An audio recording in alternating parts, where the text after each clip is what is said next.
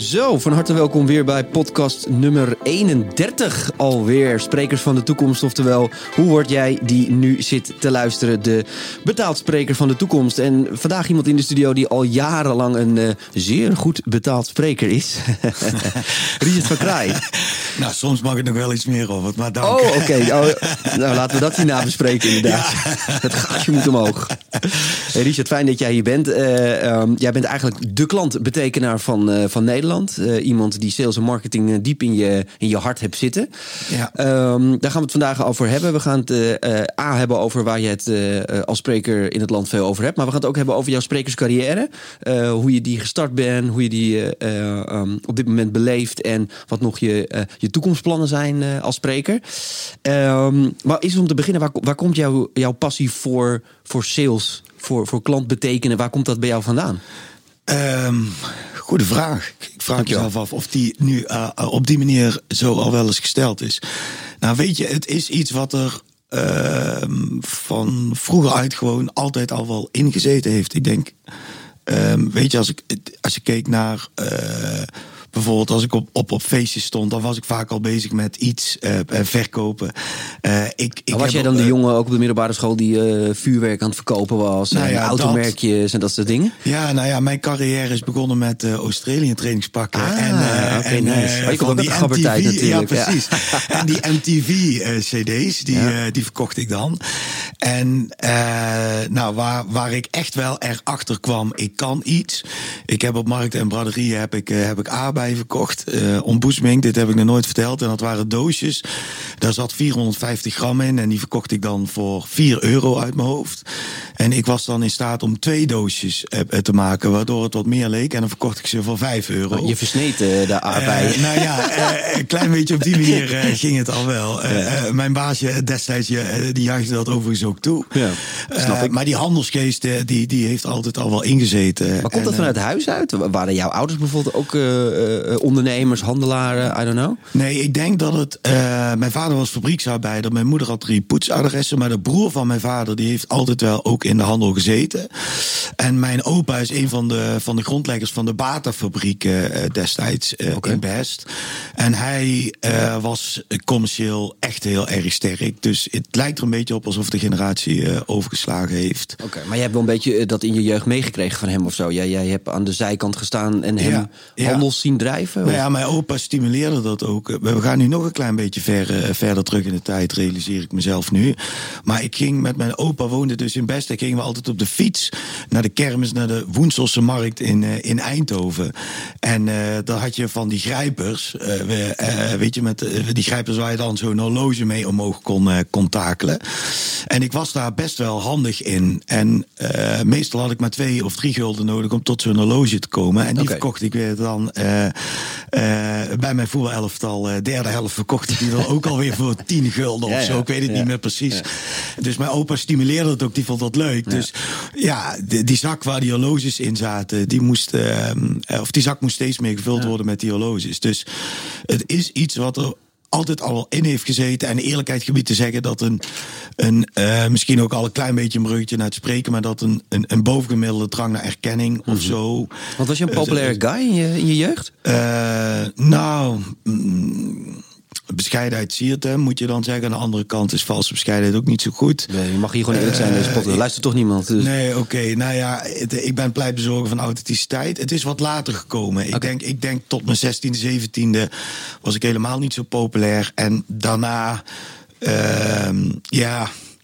Misschien een beetje. Ik vind het altijd lastig om het maar Was dat handel dan ook een beetje een soort, soort manier om, om dan op te vallen? Of, of om, om je positie te veroveren of zo? Ja, ik denk wel dat het daar zit. Want als je. Ik vertelde net al iets over dat arbeidersmilieu. Um, ik was altijd een beetje de kleinste. Okay. Uh, en uh, ook nog eens vroege leerling. Uh, volgens mij is het een, geen geheim dat ik op het ateneum begonnen ben, maar MAVO geëindigd. En dit brengt me een okay. beetje terug naar één ateneum. Ik zag het ook een beetje anders uit dan de andere kinderen. Als in je, in, je lengte of zo dan? Ja, nou, in mijn kledingstijl, okay. maar dus ook in mijn... Je liep alleen maar in Aussies? Uh, nou, of het nog streepjes waren, weet ik niet. Misschien zelfs nog wel een nikkenbokker. En destijds had ik vertels, die ik overigens niet ja, in ere heb hersteld okay. als ik onstage ben. Ehm, maar het was denk ik inderdaad mijn, mijn, mijn lengte, mijn kledingstijl. En ik ben maagd, hè, uh, 21 september. Dus ah, 11 jaar, heel jong. Dus altijd al wel een klein beetje moeten vechten vanuit de underdog-positie. Dus ik ben er ondertussen wel van overtuigd. Hè, zelfbewustheid komt vaak met de jaren. Dat iets van die drang naar erkenning, uh, dat zit in die periode. Daar ben ik wel. Uh, daar merk je toch wel. Je, daarom vraag ik het ook, want ik vind het altijd interessant ook bij bij. Uh, uh, ik, ik, zag toevallig van de week een post voorbij komen van iemand. Uh, dat was een influencer of zo. Die was vroeger heel erg gepest. En daar werd dan heel erg dramatisch over gedaan. En daar werd heel erg zielig over gedaan. En je mag allemaal niet pesten. Je mag dit niet, dat niet. En ik ben zo vroeger ook heel erg gepest. Dus ik, ik mag erover praten. Ja. Um, en ik vind het altijd ik heb het idee dat pesten ook uh, is onderdeel van een maatschappij. En uh, een onderdruk uh, zijn is ook onderdeel van een maatschappij. We kunnen niet allemaal de populaire gast zijn. En we kunnen ook niet allemaal de middenmoot zijn of zo. En je merkt nee. toch wel vaak dat kunstenaars, artiesten, sprekers... mensen die een hoge positie bekleden... toch altijd een wat moeilijkere start hebben gehad in hun leven omdat ja. ze daardoor ook een bepaald soort bewijzingsdrang krijgen. Bepaalde uh, hogere behoefte om zichzelf te bewijzen. Om op het podium te staan, om dat applaus te pakken. Ja. En je merkt toch wel bij de meeste mensen die een kunstvorm of een aandachtsvorm hebben omgezet tot business. Dat die een lastigere stad hebben gehad. De ene is heel erg gepest, dus een beetje medium. De ene moest, nou ja, was wat kleiner dan de ander. De ander was langer dan de ander. De ander was wat dikker dan de ander. I iemand had iets waardoor die uh, iets extern moest bedenken om op te vallen. Ja. Nou, ik denk dat het waar is. Ik heb wel eens, uh, en deze quote is van Marco Hoogland, dus zal ik netjes ook uh, bron vermelden. Maar talent is een afwijking. Iets wat ja. ik een uh, warm hart toedraag. Tegenwoordig roep ik zelf wel eens hè, dat normaal is niks meer of minder dan de standaard van de massa. En de massa is dan weer een soort meervoud van niemand. Wat ik heel erg herken, was dat ik altijd wel een klein beetje anders was. En Um, um, kijk, wat ik, wat ik heel erg moeilijk vond, uh, eerlijkheid gebied te zeggen, ik ben gepest, maar mm -hmm. heb dat later zelf ook wel eens gedaan. Ja.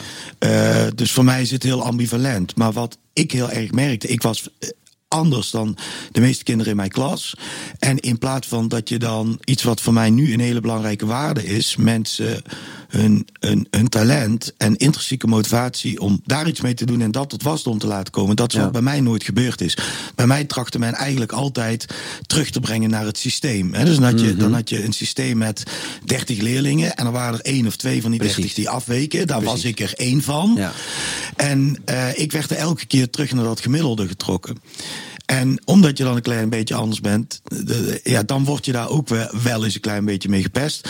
Aan de andere kant moet ik ook eerlijk zijn, heeft er dat ook voor gezorgd uh, dat ik uiteindelijk dat ben gaan durven uitvergroten. En het Precies, feit dat ik een klein ja. beetje anders was.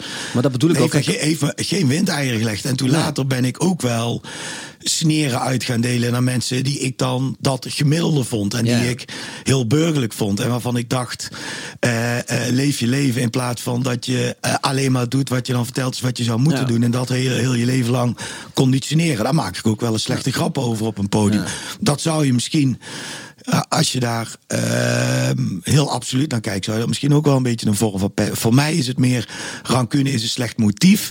Maar voor mij is het meer ook om een beetje te laten zien. Uh, zie je wel, my way, hè, even vrij naar Ja. Frankie, my way or the highway. Als je je eigen pad kiest, je wordt niet zo snel ingehaald, dan kun je uiteindelijk ook ergens uitkomen. En ik voel wel aandrang om af en toe die boodschap zeg maar ook te verkondigen. Nou ja, kijk, en als je, niet, als je heet dat, uh, al vanaf de basis van je leven uh, gewend bent om buiten het systeem te staan, zoals ik. Weet je, ik was altijd iemand die buiten viel in alle opzichten. Uh, maar daardoor heb ik ook heel erg geleerd om buiten het systeem te denken. Dus ik kan ook Ja. altijd, waar andere mensen zeggen, jeetje, je- maar ja, je stapt zo makkelijk even hierin of je stapt zo makkelijk daarin. Ja, ik ben niet anders gewend dan buiten de massa te staan, buiten Ja. de massa te ondernemen. En ik ben heel dankbaar dat ik vroeger gepest ben. Niet dat ik het leuk vond, want ik vond het verschrikkelijk. En het was in die tijd heel eenzaam en alleen. Maar daar zit wel de ehm, grondlegging van mij als ondernemer, als, als artiest, als spreker, als manager, weet ik veel wat. Ehm, en ja, je kan er heel erg huilie huilie naar terugkijken. Van, oh, was ik vroeger zielig. Maar ik heb zoiets van, ja, ik denk dat dat voor mij heel erg goed is geweest. Want daardoor ben ik me, heb ik ook een bovengemiddelde drang om iets van mijn leven te maken. Ja. Ehm, en ik denk dat, dat de meeste artiesten dat hebben. En dat zal altijd in je systeem blijven zitten. En daardoor kom je op plekken en op, op plaatsen waar andere mensen die misschien wat meer in de middelmoot zitten, nooit zullen komen. Dus ik, ja, ik, ik heb altijd Ja. zoiets van: moet je daar dan heel erg. ehm, ehm, tragisch op terug gaan kijken? Of moet je juist zeggen van, nou ja, oké, het is gebeurd. Inmiddels ben je op een leeftijd dat je kan zeggen... ja, maar ja, luister, het is onzin en je bent er en je mag er zijn. Maar je kan die, die pijn, is het eigenlijk, die pijn wel blijven gebruiken... om weer een volgende stap te maken. Nou ja, er wordt wel eens gezegd, what doesn't kill you makes you stronger. Ik denk dat het zo is. Het brengt me, um, uh, brengt me een beetje naar mijn boek. Daar staat letterlijk in, je hoeft niet te wachten op ouderdom of op crisis. Maar het is natuurlijk ook wel heel makkelijk. Ik denk een van de dingen die, um, uh, die ons bindt, want op verschillende vlakken zijn we, zijn we ook verschillend, maar ik denk dat dat ons wel bindt, is dat wij die crisis gewoon wat eerder in ons leven uh, hebben opgelopen. Um, want vaak hebben we toch wel die crisis nodig. Kijk, heel veel dingen denk ik die wij mensen leren en die we kwalificeren als zekerheden, die blijken vaak schijnzekerheden te zijn Precies. op het moment ja.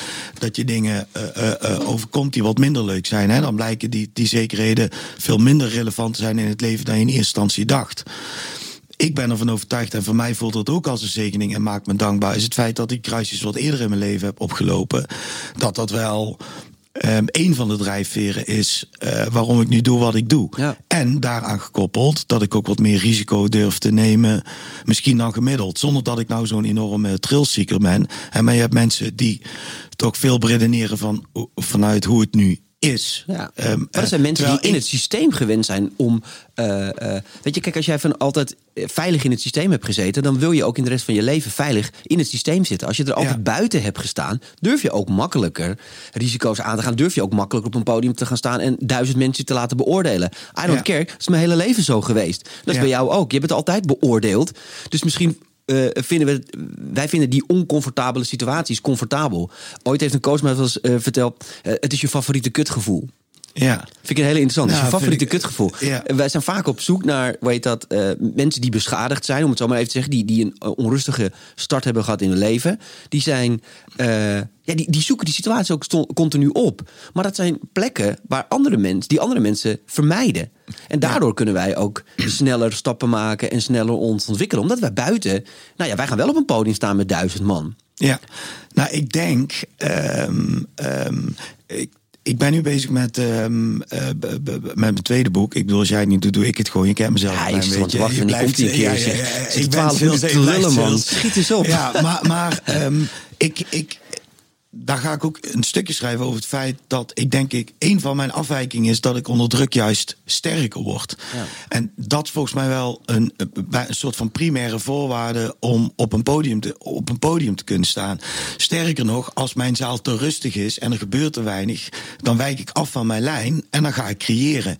Dan ga ik juist reuring maken, omdat ik weet als er wat tegendruk komt, of mensen me niet in één keer geloven, me, me, me challengen, gaan uitdagen, dat ik dan juist beter word. Dus, dus ik denk dat dat je juist uiteindelijk ook beter maakt. Ja. Waar andere mensen misschien bezwijken of daar heel erg rustig van worden, vind ik het juist fijn op het moment dat die tegendruk. Want daardoor word ik gedwongen om, uh, om het beste uh, uit mezelf ja. te halen. Uh, wat ik er overigens daarna dan ook wel weer heel snel terug in wil stoppen. Hè, want het beste moet vooral in ons mensen blijven. Maar, voor, maar we, gaan, we gaan het zo over je, uiteraard over je nieuwe boek hebben, die je samen met een ander aan het schrijven bent. Ja. Um, maar kun, kunnen we dit, waar we, waar we, we hebben eigenlijk een hele lange introductie gehad van 13 minuten over. Uh, want kan je dit ook vertalen naar sales? Kan je zeg maar, hoe heet dat? Um, um, nou, laten we even plaslaan. Wat is volgens jou een goede verkoper, een goede salesman? Nou ja, alles, alles begint. Ik denk wel degelijk dat er een verbinding zit. Voor mij begint alles met zelfbewustheid. Voor mij begint het met wie ben je nu eigenlijk echt en waar sta je nu eigenlijk voor? En wat de meeste, ik ga even, ik ben iets te generiek, maar soms is het goed om iets duidelijk te maken, zijn te veel one of the guys, one of the girls. Mm -hmm. Dus het, is, het, zijn, het zijn te veel eenheidsworsten, kruipen een rol en gaan een propositie verkopen. Mm -hmm. He, terwijl je omdat kunt, ze dat zo geleerd hebben. Omdat ze het zo geleerd ja, hebben. In het systeem. Ja, dus je kunt altijd discussiëren over business to consumer of uh, business to business. Maar uiteindelijk is alles human to human. Ja. Dus op het moment dat jij beter wint. Kunnen we even het, het jeukwoord authenticiteit erin gooien of niet? Nou ja, het is wel waar ik een pleitbezorger van ja. ben. Maar voor mij betekent het, want het is een beetje een modebegrip geworden. En ik heb er geen patent op. Maar toen ik in 2013 in onze salesfilosofie begon met authenticiteit, werden er wel eieren en tomaten in overdrachtelijke ja. zin gegooid. Terwijl voor mij betekent het trouw aan jezelf kunnen blijven onder druk. Dus dat betekent dat zoals je s'avonds in je huispak op de bank zit en een wijntje drinkt, dat je daar zoveel mogelijk mee van mee kunt brengen in je salesrol. Natuurlijk is de context anders. maar ik denk in je salesrol maar ook voor ons als sprekers op een podium. Hoe dichter dat je dat kunt benaderen, hoe geloofwaardiger dat je bent. En die state bij... of mind, die state of mind, die heeft wel te maken met waar we het net over hadden. Ik wil niet zeggen I don't give a fuck, maar als ik een podium opstap, ben ik niet bezig met iedereen moet Richard Verkraai goed vinden. Ik kom daar omdat ik een bepaalde propose heb. Ik wil relevant zijn en impact maken. Dat laat onverlet, als ik klaar ben, dat ik het heel belangrijk vind dat ik goede evaluaties heb. Maar het hindert me geen enkele seconde op het moment dat ik op een podium sta. Als je dit over salesmensen legt, als jij precies weet, even naar mijn wereld dan toe, op welke manier jij daadwerkelijk van betekenis wil zijn, dan ben jij in staat om het rendement in euro's verder weg te leggen. Dan ben jij bezig met echt de ander op de troon zetten. Een klant is geen koning, je moet een klant koning maken. En dat kun je alleen maar doen op het moment dat jij die ander faciliteert en laat zien dat je oprecht van betekenis wil zijn. Maar dat begint allemaal natuurlijk met wel jezelf omarmen. Ja, exact. Maar, Want dat kan je alleen, dat, je kan het alleen als je. Kijk, ik, heb, ik zat in de auto maar zelf, zelfacceptatie is sowieso even tot de weg naar innerlijke vrijheid. Dit is even vrij naar Stef Bos, een van mijn grote inspiratiebronnen.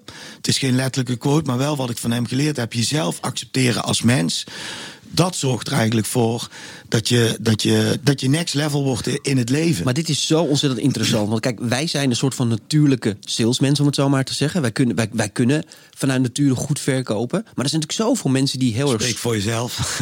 Ja, jij bent er iets minder goed in, dat klopt. Jij bent er iets goed minder goed. Dat heb ik wel gemerkt. Nee, maar weet dat? Uh, en ik vind, maar ik vind het zo interessant, want ook bij sprekers, uh, bij artiesten, je merkt bij zoveel kunstvormen, maar ja, bij iedereen eigenlijk, is dat dat verkoopgedeelte vinden mensen vaak heel lastig. Mensen vinden het heel moeilijk om iemand op LinkedIn eens een berichtje te sturen van... hey, John, uh, kunnen wij niet eens een keer afspreken... want ik heb het idee dat we voor elkaar kunnen betekenen. Die drempel is voor sommige mensen zo ontzettend hoog... dat ze vaak stagneren in een doorgroeiproces. Want uiteindelijk zit, zit het wel daarin. En... Um, Jij hebt ooit gezegd, en ik zat daar vanochtend in de auto over na te denken: van kinderen zijn de beste verkopers. Met afstand. Omdat ze authentiek zijn, geen plat voor hun mond nemen, uh, uh, geen verborgen agenda's hebben. Ze, ze, zijn wie ze zijn op dat moment. Ja. En ik zat vandaag in de auto te denken: zijn kinderen ook niet de beste sprekers die er zijn? Nou, ik ben ervan overtuigd. Kijk, ik, ik uh, vind uh, de onderbouwing van veel dingen die ik roep, die is terug te vinden in, in de wetenschap van Dick Swaap, onze bekendste neurobioloog. En hij heeft een heel interessant uh, stuk geschreven over hoe onze uh, hersenen werken. En hij praat over de prefrontale cortex en het limbisch brein. En het limbisch brein is wat meer waar je emoties geregeld worden. En waar kinderen nog veel meer uit van communiceren. En eigenlijk ook dieren. En dat limbisch brein kent geen woorden. En uh, ik noem dat tegenwoordig een beetje mijn signatuur intelligente ongehoorzaamheid. Maar wat heel erg interessant is, en ik denk dat je gelijk hebt. Uh, ik ben op podium vaak ook een heel groot kind. Kijk, een ezel stoot zichzelf uh, vaak, of juist niet vaak, mag je me invullen aan dezelfde steen. Maar het brengt mij terug naar mijn jeugd. Uh, ik woonde aan de overkant van een speeltuin en dan rende ik daar door de tunnels heen en dan stoot ik mijn hoofd en dan had een gat in mijn hoofd. En dat moest gehecht worden. En dan zei mijn moeder, Ries, let op de volgende keer als je die tunnels ingaat. Is het echt gebeurd of is dit, gewoon een vrouw? Nee, nee, nee, dit, is echt gebeurd. Ik heb drie keer een, een, gat in mijn hoofd gehad. Ik heb drie keer in, het, in dezelfde tunnels in de speeltuin elke keer... Zo'n buis of zo. Ja, zo, dus ja, een beetje, ja, ik probeer het even te visualiseren. Ja, ja, was een beetje zo'n zo'n hoge berg zeg maar, met gras. En daar liep oh, je dan wat buis onder. En daar uh, kroop je dan heel snel onderdoor. En ik kwam snel omhoog en een gat in mijn hoofd. Oh, en dat is drie keer gebeurd. Ergens tussen mijn zevende, denk ik, en mijn twaalfde. En dit is precies waar het over gaat. Want die prefrontale cortex waar ik het over had, die gaat afwijzingen uit de weg. Dus wij zijn um, uh, heel erg geprogrammeerd uh, om de nee uit de weg te gaan. En angst te hebben voor de afwijzing.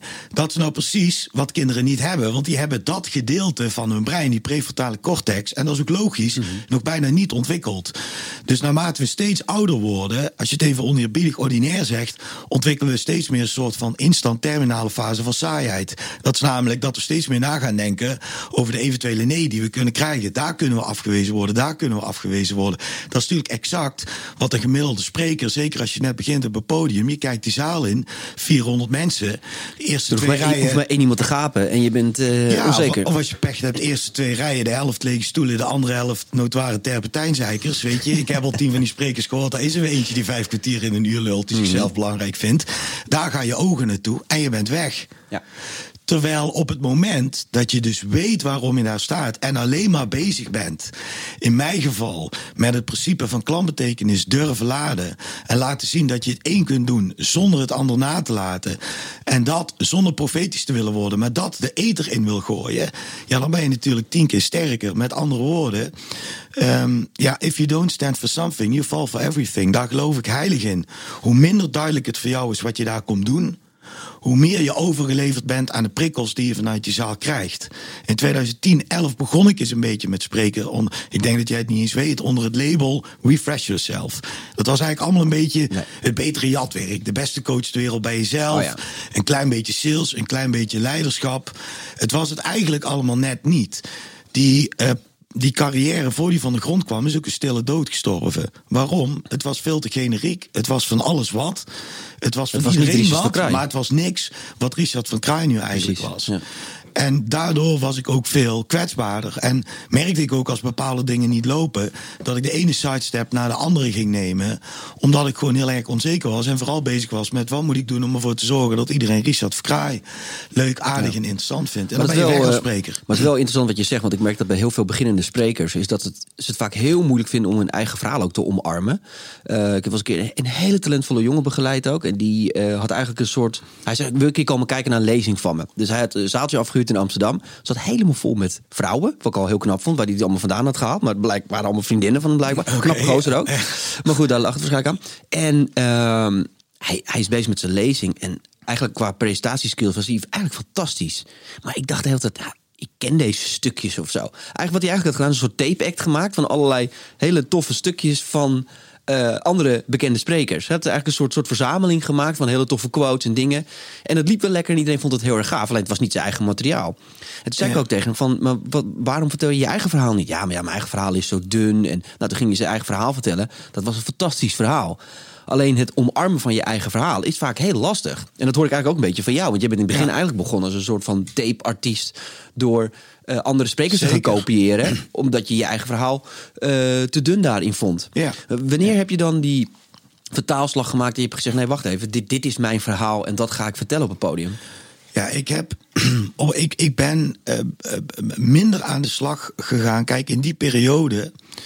Um, was aandacht, denk ik, dat klinkt misschien een beetje arbitrair, maar ik denk dat het toen nog belangrijker voor me was dan nu. Kijk, ik ga niet hypocriet doen. Uh, we hebben het er net al over gehad. Ik ben een, performer, dus natuurlijk uh, vind ik aandacht, waardeer ik. En voor een deel is dat ook de reden waarom ik daar sta.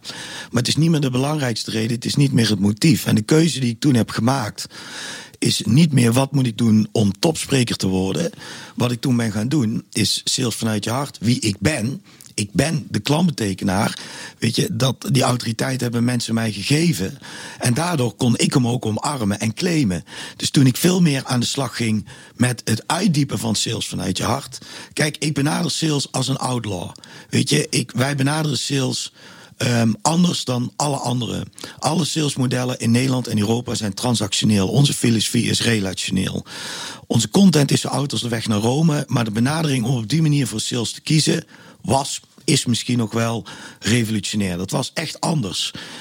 Toen ik met name bezig ging om dat uit te diepen, om dat uit te vergroten, om de praktijkvoorbeelden, zoals ik zelf sales bedreef, die daaraan te gaan koppelen, toen kreeg ik verhalen. Toen kreeg ik uh, uh, gelaagdheid. Daarmee steeg mijn uh, geloofwaardigheid. Mm -hmm. En daardoor kreeg ik steeds meer boekingen. Omdat het verhaal daarmee anders is, maar nog belangrijker, het is mijn verhaal. En dat wil nog steeds niet zeggen dat iedereen het omarmt. Want de eerlijkheid gebied te zeggen, dat weet je ook als ik spreek. Ik krijg vaak negens, maar krijg ook tweeën. Ik krijg bijna nooit zesjes en zeven. Dat is bij elke spreker overigens zo hoor. Ja, oké, okay, maar in het begin was dat. Je kan nooit iets... iedereen blij maken. Nee, maar in het begin was dat wel iets, dat, dat weet je volgens mij ook, waar ik best ook wel een klein beetje last van had. Omdat mensen dan niet altijd er doorheen konden lezen. En mijn vorm is natuurlijk redelijk uh, up tempo. En er zit ook wel wat harde grappen in. Merk je helemaal niks van vandaag. Nee, weet Nee, ik. nee, Eh, nee, ik hou hem ook een beetje in. Ehm, en maar dan, dan, dat je dan ook wel eens dacht, ja, maar, maar potver, als je nou gewoon even achter de voordeur kijkt, dan zit er volgens mij inhoudelijk ook best wel wat goede content Maar in. ook, Maar, ook daar zit zo'n belangrijk punt in. Eh, sorry dat ik je onderbreek hoor. Maar weet dat. Ehm, nou ja, anders kom ik ook niet. Oh, dat licht gaat ook ineens uit in de studio. Ook helemaal, het wordt ineens heel gezellig. hier. ja, ja, ik zou zeggen kaarsje erbij, wijntje. ja, nou, dat moeten we sowieso een keer doen. Maar er zit een heel belangrijk punt in. eh, en nou weet ik echt mijn punt niet meer. Dus ehm, ik, we gaan, oh, ik, ik, weet niet meer, ik weet mijn punt niet meer. Omdat het licht eruit uitviel. Waar, Ja. hadden we het over? Nou ja, ik, ik, ik vertelde net iets. Ik moet ook een klein beetje zoeken. Maar, maar ehm, eh, we hadden het over die negens en die tweeën. Ja. En, en, Oh nee, en- sorry, ik weet het alweer. Ja, dat je dus als spreker heel erg geneigd bent. Dat je, je kan 80 eh achter krijgen en 2 2 En dat die sprekers die gaan zich dan volledig focussen om die 2 2 om te turnen naar achten. Alleen je moet ook als spreker gewoon accepteren. Ook er zit een keer iemand in de zaal te, te gapen. Er, er staat een keer iemand op die weggaat. Weet je, de gekste dingen ga je een keer meemaken. Maar je moet Ja. niet alleen. Kijk, Mark Lammers heeft ooit gezegd: je moet niet. Ehm, kijk, als je iets niet kan, kan je wel de hele dag gaan oefenen om het wel te kunnen. Maar je kan je be- veel beter de hele dag oefenen op iets wat je al kon, om dat nog beter te maken. Ja. Dus je kan er wel je focussen op al die twee mensen die het dan misschien niet leuk vonden. Maar je kan je veel beter focussen om die mensen die je een achtje hebben gegeven, volgende keer een negen te laten geven. ja. Eh, Richard, even terug, hè, want eh, ik heb het idee dat wij eh, straks anderhalf uur ineens zitten te praten. Daar haken mensen op af. Hè? dat hoe lang, denk ik hoe lang niet. mag een podcast duren? Ja, dat is een goede vraag. Maar ik vind altijd 40 minuten altijd lekker. Dan is mijn, mijn, eigen spanningsboog altijd ook wel voorbij. Maar ik wil ook altijd in deze podcast, want daarom heb ik hem gemaakt, ook praktische tips geven. Ook aan beginnende sprekers. Ja. Laten we nou heel even. want kijk, jij, doet, jij hebt twee hele. Je bent en professional spreker en je bent eh, de klantbetekener. Dus je weet alles van sales en hoe je, hoe je een, een, een, een, een bedrijf en een goed verkoopproces moet opzetten. Stel, ik ben beginnend spreker. En Ja. ik vind het spannend om, eh, om een opdrachtgever te benaderen. Want uiteindelijk zou je dat een keer moeten doen. Ja. Wat voor tips heb jij voor mensen die, eh, die beginnen met sales of met, met zichzelf verkopen? Want dat is natuurlijk misschien nog wel moeilijker dan een product verkopen als je jezelf moet gaan verkopen. Wat voor tips heb jij voor beginnende sprekers?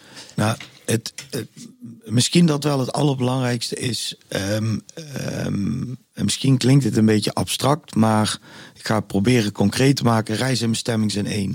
En wat ik daarmee bedoel, is het ontwikkelen van jezelf als merk. Ehm, dat is ook al heel erg fijn en interessant om te doen. Je, ik denk dat je beter eerst een beetje kunt soul searchen. Wie, wie, wie je nu echt bent als persoon en waar je voor staat. En dat je eh, dat vervolgens over de bühne gaat brengen zonder dat je van jezelf verwacht. Hè, de eerste keer dat ik ergens een call doe, hè, of naartoe bel of met iemand kennis maak, dan moet het ook meteen raak zijn. En want dat is vaak waar wij mensen op afhaken. Ik ga er tien bellen en dan moet ik wel één of twee afspraken hebben. En als dat niet lukt, dan stop ik ermee. Ja. Terwijl, ehm, hè, ik roep wel eens, sales is net een huwelijk. Je vraagt ook niet bij de eerste date, wil je met me trouwen? Maar je kunt wel verkering vragen. Hè? En eh, jezelf kwetsbaar opstellen, tweede tip, is ook heel belangrijk. Het is, ehm, vaak is hetgene wat je voelt, dat durven benoemen, is de meest zuivere vorm van sales. Concreet voorbeeld, als jij ergens wil spreken een en, je vindt een bepaald bedrijf fantastisch en je durft dat bedrijf te bellen en je zegt ik ging best een beetje op twee gedachten, want ik vind het hartstikke spannend om te doen. Eh, ik begin net, maar ik heb een hartstikke mooi verhaal ont- ontwikkeld en ik ben een beetje op zoek naar hoe ik de deur open kan krijgen, dat ik bij jullie eens een keer een platform krijg, dan is dat het meest zuivere wat je kan doen. Terwijl wat we vaak doen, is dat we denken dat we een heel gelikt, gestileerd verhaal moeten Precies, hebben. Een soort script gaan opdreunen. En ja, dat is gewoon wishful thinking. En dan maar denken, zeker als je nog geen naam bent, dat de wereld wel voor je open ligt. En dat is niet zo. Ik vind het heel mooi, want die, die kwetsbaarheid is, is ontzettend belangrijk ook in sales. Ja, en ik denk in het begin, en eh, ja, ik heb nu eh, makkelijk praten, maar ik ben begonnen eh, om het voor niks te doen. Of om het voor een paar honderd euro te doen. Show- Spreken, heb je over. Ja, Ja. ik heb ook gewoon eh, tijden gehad voor, eh, voor een chocomeltarief. Weet je, en dat ik gratis thuis de jou werd afgezet. Nee, dat is een slecht, slecht grapje. Ehm, eh, maar je, je, je kunt ook niet meteen de hoofdprijs willen. En marktwaarde is ook iets wat je moet opbouwen. En het lastige van spreker worden, eh, waar wij sprekers nog wel eens een handje van hebben, of laat ik dan voor mezelf spreken. Nou, trouwens, ik durf het ook wel te zeggen, waar wij sprekers een handje van hebben, is dat we de autoriteit vroegtijdig claimen. Terwijl autoriteit is iets wat mensen je moeten toedichten. Dus je moet langzamer aan je sporen durven verdienen, je plek kennen. Stay humble, ook voor niks eh, eh, durven spreken, ook voor het lagere tarieven durven spreken. Daarmee naam gaan maken en dan ontstaat de, de, de, de olievlek. Ja. En daar heb je ook gewoon tijd voor nodig. Want Kijk, je weet, ik heb ook, ik heb ook een bedrijf met uh, 15 tot 20 trainers. Als ik, uh, ik acquireer ook gewoon nog. Um, uh, om trainingsdagen te verkopen. Maar het is anders om mensen te bellen: wil je mijn boek kopen? Of wil je me als spreker hebben? Daar, daar zit een groot verschil. Dat moet je echt opbouwen. En dat moet ook een beetje de wereld om je heen doen. Dus je moet zichtbaar worden. Er nog niet heel te veel, al te veel van verwachten. En dan hopen ook dat wat ambassadeurs het gaan oppikken voor je. Maar dat vind ik wel interessant. Want uh, neem ons eens mee naar de Richard Verkraai die achter zijn bureau zit. En die naar een grote verzekeraar of bank gaat bellen. Om een deal te, binnen te halen. Uh, trek je dan je, je gladde pak aan? Of gebruik je dan diezelfde kwetsbaarheid die je net ook noemde? Nou ja, ik denk dat je dat zou moeten toetsen. Kijk, ik wil, eh, of ik bedoel, eh, ik denk dat dat goed toetsbaar is. Kijk, authenticiteit is voor mij een belangrijke waarde. Dus zoals je me nu ziet zitten, in mijn overhemd en mijn jeans en overwegend zonder sokken en vaak nog met pretels. Zo loop ik ook bij banken en verzekeraars, binnen. verzekeraars ja. een corporate of ja. een accountancy uh, uh, loop, ik, uh, loop ik naar binnen. Um, um, hè, ik moet ook eerlijk zeggen, we hadden het net over die autoriteit. Uh, ik ben ondertussen in de positie dat rondom onze trainingen wij ook veel leads krijgen.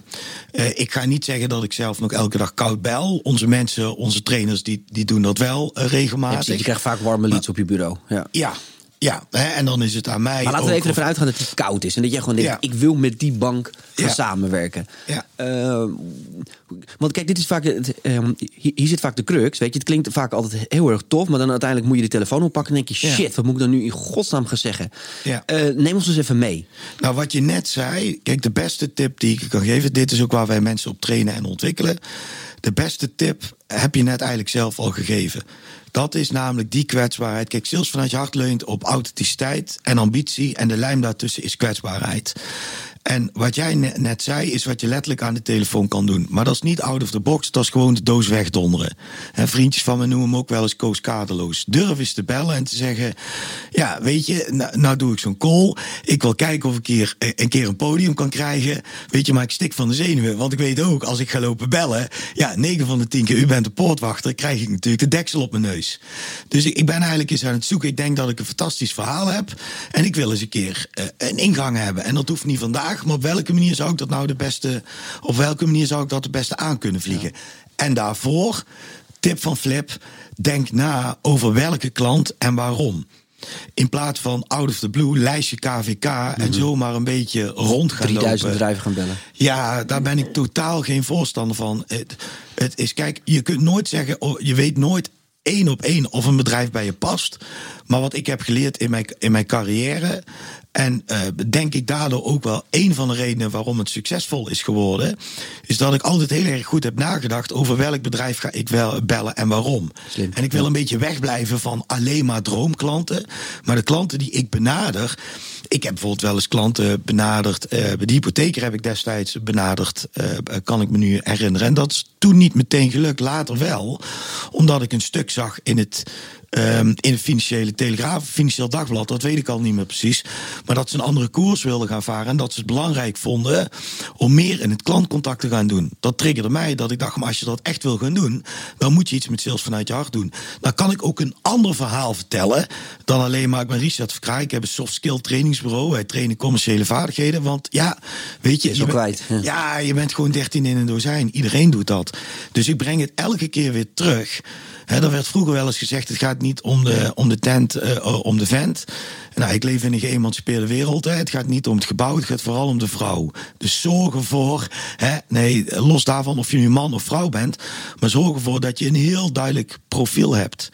En het ontdekken van waar je nu voor staat, is meer, en dit zeg ik met eerbied, dan een keer jezelf de waarom-vraag stellen. ook wij laten wel eens bijvoorbeeld iets van Sinex zien. Heeft het fantastisch vermarkt natuurlijk met zijn Golden Circle. Alleen als je daarvoor gaat kijken, is eigenlijk als auto's de weg naar Rome. Mhm. Filosofen weten ook dat verhalen die verbinden. Dus echt de krochten ingaan en echt gaan zoeken. Waar dan je onderscheidend nou? vermogen zit. Ja. en daarmee de boeren op durven gaan.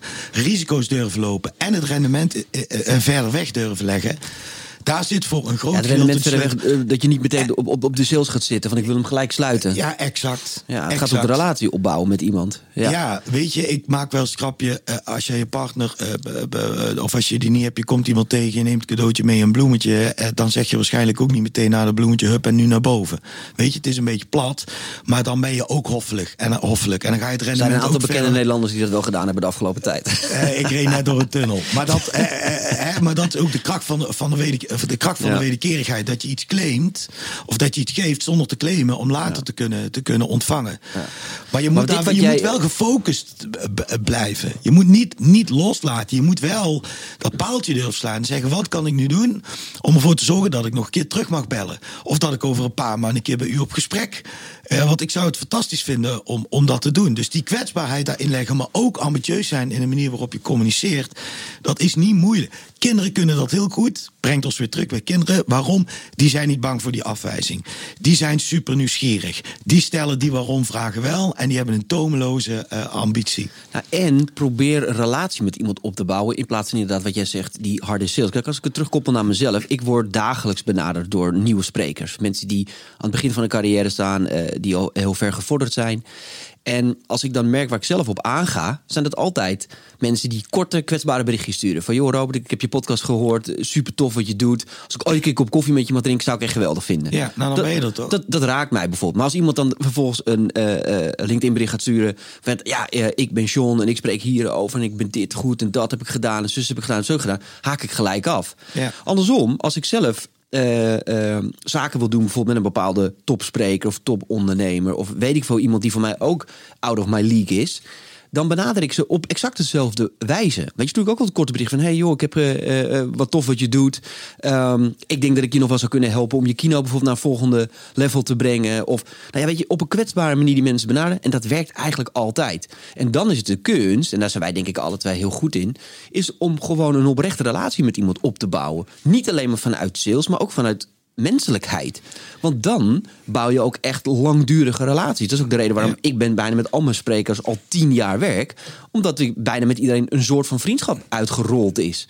Ja. Ehm, en dat is, niet, dat is geen spelletje. Wat jij zegt gaat over loyaliteit. En loyaliteit is gewoon niet iets wat je af kunt dwingen. Nee, precies. Loyaliteit is, is, is investeren en is het, ehm, is, het, eh, is het rendement verder weg durven, eh, durven leggen.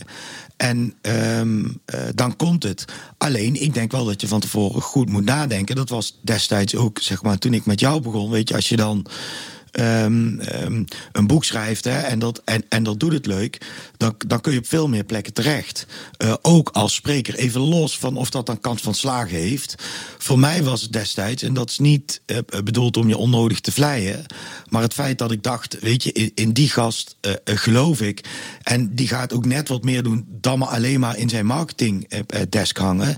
Dat zorgde er bij mij voor dat ik dacht, oké, bij die kerel wil ik in stal. Terwijl dat super onzeker was. Want dat kan ook gewoon tot, tot niks leiden. Weet Zeker. je? En de eerlijkheid gebied te zeggen.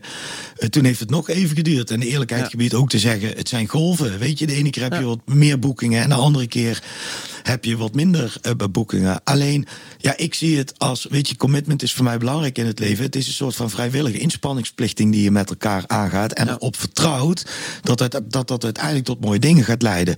Maar het betekent wel, eh, weet je, het brengt me elke keer weer terug. Als ik van tevoren heel goed weet wie ik ben en waar ik voor sta, dan wordt het voor mij ook makkelijker om de mensen om me heen te verzamelen. Die daar ongeveer hetzelfde in staan. Dus ik denk dat heel veel dingen geen toeval zijn. En je zou kunnen zeggen, is het toeval dat ik bepaalde mensen eh, op mijn pad zijn gekomen? Je zei er net al iets over. Het tweede boek wat ik nu eh, ga schrijven, los van of je daar uitgebreider meer over wil weten. Mijn bedrijf resideert tegenwoordig in, in Topsportcentrum Den Bosch. Daar ben ik iemand tegengekomen met wie ik nu het boek ga schrijven. Is dat nu toeval? Of is het zo omdat ik sales als topsport benader? Wij onze gouden leergangen al Champions League in klantcontact noemen. Dat je dan daar uiteindelijk gaat zitten. En dat de kans dat je daar mensen tegenkomt die iets voor je kunnen betekenen, omdat die in de topsport zitten, groter wordt. Ik ben ondertussen overtuigd van het laatste. Succes is geen keuze, vind ik te makkelijk, maar je kunt er wel degelijk regie op uitoefenen. Maar iets even, hè, ehm, klopt het dat jij een nieuw boek gaat schrijven? Goh, zo spontaan ook, Robert. dankjewel. Ik had Zou je het daar wel iets- twee keer voor. Zou je daar iets over willen vertellen? Nee. nee, dat mag echt nog niet. Ja, je hebt, je hebt, je- je- jouw vorige boek, Sales vanuit je hart, is natuurlijk eh, echt. eh, hoeveel druk we, heb je inmiddels wel uitgegeven? Eh, we gaan nu naar de elfde. Ja. En een klein primeurtje. Het gaat in het Engels uitgebracht worden. ja, fantastisch. Ja, maar, je gaat, maar, maar, maar je gaat nu een nieuw boek uitgeven. Ja. Ehm, gaat dat weer over sales? Ja, alleen we gaan het wel in een, in een eh, iets breder eh, perspectief eh, trekken. Ik heb nagedacht. kijk, het is, het is best wel moeilijk, omdat het, het, het eerste boek. dat heeft alle verwachtingen overtroffen voor de markt, maar ook voor onszelf. Weet je, je, ben- je- je bent op dat moment al blij dat er een boek is. En als je één druk verkoopt, crescendo. ja, de kans dat we dit nog gaan overtreffen is niet heel. Maar het is Gaat ook wel een niet, poging doen. ik ga een poging doen. En het is ook niet per se het motief waarom we dit boek gaan schrijven. Ik ben gaan nadenken over, oké, wat mis ik nu eigenlijk nog? Een soort van volgende stap binnen Sales vanuit je hart. En ehm, eh, twee elementen zijn boeiend. Ik wil meer ook met marketing en sales wil ik naar elkaar toe gaan brengen. Wat je eigenlijk ziet, zonder uitzondering eigenlijk bij al onze relaties, is dat marketing en sales vaak wel samenwerken, maar ook nog wel op zichzelf staande afdelingen, zuilen, zuilen zijn. Dat moet, je, meer- moet meer samensmelten, vind jij? Ik denk dat het één is. Als je er heel kritisch naar kijkt, dan is het één. Twee, ehm, en dat heeft ook wel te maken waar we het net over hadden. Ehm, ik denk dat er nog een soort mentale een mentaal component is. Waardoor je uiteindelijk de laatste stap kunt zetten om echt Champions League in klantcontact eh, eh, te spelen.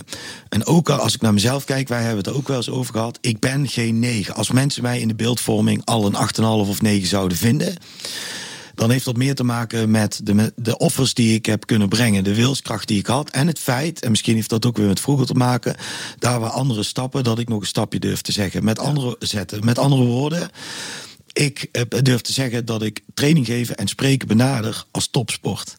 Dus die twee elementen, marketing en topsport, eh, eh, die bij sales gaan brengen.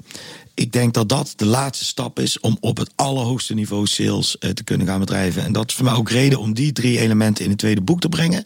Topsport, marketing en sales. Ja, en dat ga ik doen met de grootste sportmarketeer van Nederland, Bob van Oosterhout. Wauw, gaaf. Heel tof. Ja. En, en wat zijn jullie al begonnen met schrijven? Is het proces eh, ongoing? Is het boek al uit? Nee, nee, nee, nee. Nou, we hebben ambities dat het dit jaar nog lukt. Maar ik ga voorzichtig zijn. Het zou ook Q1 volgend jaar kunnen worden. Want ik weet nog van het eerste boek. eh, eh, het is nogal monnikenwerk. Het, Schrijf je makkelijk of is het veel een zwaar proces? Het is een enorm zwaar proces. Eh, Het betekent ook dat Bob en ik hebben besloten dat we mensen om ons heen gaan verzamelen die daar ons mee gaan helpen. Hetzelfde als in mijn eerste boek. Eh, antwoord op het eerste gedeelte van jouw vraag is dat we nu twee sessies achter de rug hebben. Dus dat betekent dat we nu eh, net wat meer dan hoog over eh, weten op welke manier we het aan willen vliegen. En ehm, volgende week zitten we om ook echt het, ehm, het schrijfproces ehm, nou, naar het volgende niveau te gaan brengen. Gaan jullie dan uiteindelijk ook met z'n twee op het podium staan? Of? Eh, dat is wel. daar zie ik er wel weer handen. ja, ja, ja, dat is wel een van de ambities. Nou, laat ik dat ook maar gewoon. Dat is wel het idee. Ja, Tof. ja, dat is minimaal. Of minimaal. Dat is ook wel een van de redenen eh, eh, waarom we het doen. We, we hebben een goede dynamiek samen. Hebben ook veel afgesproken om te kijken. Blend dat leuk? Nou, dat, dat blendt leuk. Eh, dus dat is wel eh, de bedoeling. We zullen ook eh, tegen die tijd als het boek uitkomt, eh, willen we dat ook eh, nou, van de kant afdrukken met een, eh, met een waanzinnig event. En dat moet dan meteen ook maar onze vuurdoop zijn. eh, Mooie eh, plannen. En, waar- eh, en over welk tijdspan hebben we het? Wanneer, wanneer ligt het eh, in de schappen? Ja, wat ik net. Ik hoop Q4 dit jaar. Eh, als alles tegen zit, wordt het eh, Q1 volgend jaar. Spannend, man. Ja, revolutionair denk ik ook in die zin. Haal je nog eh, de tijd vandaan ook, hè? Naast al je werkzaamheden om nog zo'n boek te... Ja, dat is lastig. ja, ik maak intern wel eens het grapje als een trainer tegen mij zegt: eh, Ik zit een beetje met mijn time management. Dat ik zeg: ik, Weet je, ik heb er niks tegen, maar ik heb er zelf geen tijd voor. Want je tijd heb je, nee, maar tijd heb je nooit totdat je het maakt, dan heb je zat. Volgens mij gaat het in het leven om prioriteit. En ik, ik geef je prioriteit. En ik zeg niet dat dat makkelijk is. Want ons clubje is ook eh, groeiende. En eh, mijn compagnons vragen daar ook in eh, veel van mij. En terecht. Maar in juli en augustus heb ik besloten om er wat langer af te gaan. Dat betekent twee maanden niks doen. En daarin wil ik nou ja, niks doen. In ieder geval niet trainen of, of spreken. Dan weet jij dat ook. En daarin wil ik wel ook gewoon heel erg veel schrijven. En zal ik ook de nodige momenten met Bob gaan doorbrengen. Mooi man. Ja. We zitten, we zitten langzaam aan de tijd. Ik, uh, ik hoop dat wij, want wij halen best wel energie altijd bij elkaar naar boven. Ik hoop dat mensen ja. nu inmiddels niet helemaal doodmoe zijn van deze podcast. Dat hoop ik ook. Er zit een hoop informatie in, denk ik. En een hoop learnings. En uh, uh, mocht je ze gemist hebben, dan zou ik gewoon aanraden om nog een keer te luisteren. Met pen en papier erbij, want het uh, ging heel snel. Richard, nog heel even. Um, naast je boek, hè. Um, ik wil nog even, want jij bent, jij bent de man altijd van de, van de concrete tips. Um, voor die, voor die spreker die zegt van joh, god, ja, ik vind het toch spannend om het podium op te gaan. Wat, wat, kan je nog als tot slot als mooie tip of als mooie learning meegeven aan een, uh, aan een spreker? Ja, wat je zou kunnen doen, is, ik noem dat wel eens droog oefenen. Uh, durf de stap te zetten om een aantal mensen om je heen te verzamelen die je vertrouwt. Spreek van tevoren met hen af, gaan we dadelijk echt ongezouten feedback geven. Want van die mensen kun je dat vaak hebben. En durf dat eens drie of vier keer of vijf keer wat mij betreft uh, te doen. En pak ook elke keer weer jezelf publiek en neem de feedback en de learnings mee. Uh, uh, doe daar wat mee, want zij kunnen vervolgens ook je versie 1.1, 1.2, 1.3 beoordelen. Ja, precies. Uh, ik denk namelijk dat je vanuit daaruit, vanuit, vanuit daar ook steeds je eigen verhaal beter kan maken. En scherpe feedback en mensen die je de oren durven wassen, daar, uh, dat heb je nodig. En, ik denk dat daar uh, mensen nooit slechter van is geworden.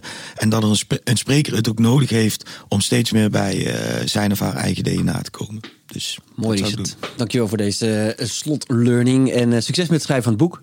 Jo, verder welkom en dank voor deze mooie podcast, kerel. Uh, jullie allemaal bedankt voor het luisteren naar deze podcast nummer 31. Uh, hou vooral de website in de gaten, sprekersvandetoekomst.nl, want er komt binnenkort een nieuwe masterclass aan. Dus die moet je zeker, zeker gaan checken. het is nog niet helemaal bekend, maar hou de website goed in de gaten. Dan kan je ook alle podcasten goed in de gaten houden. En op naar veel meer inspiratie om uiteindelijk ook de spreker van de toekomst te worden. Bedankt voor het luisteren.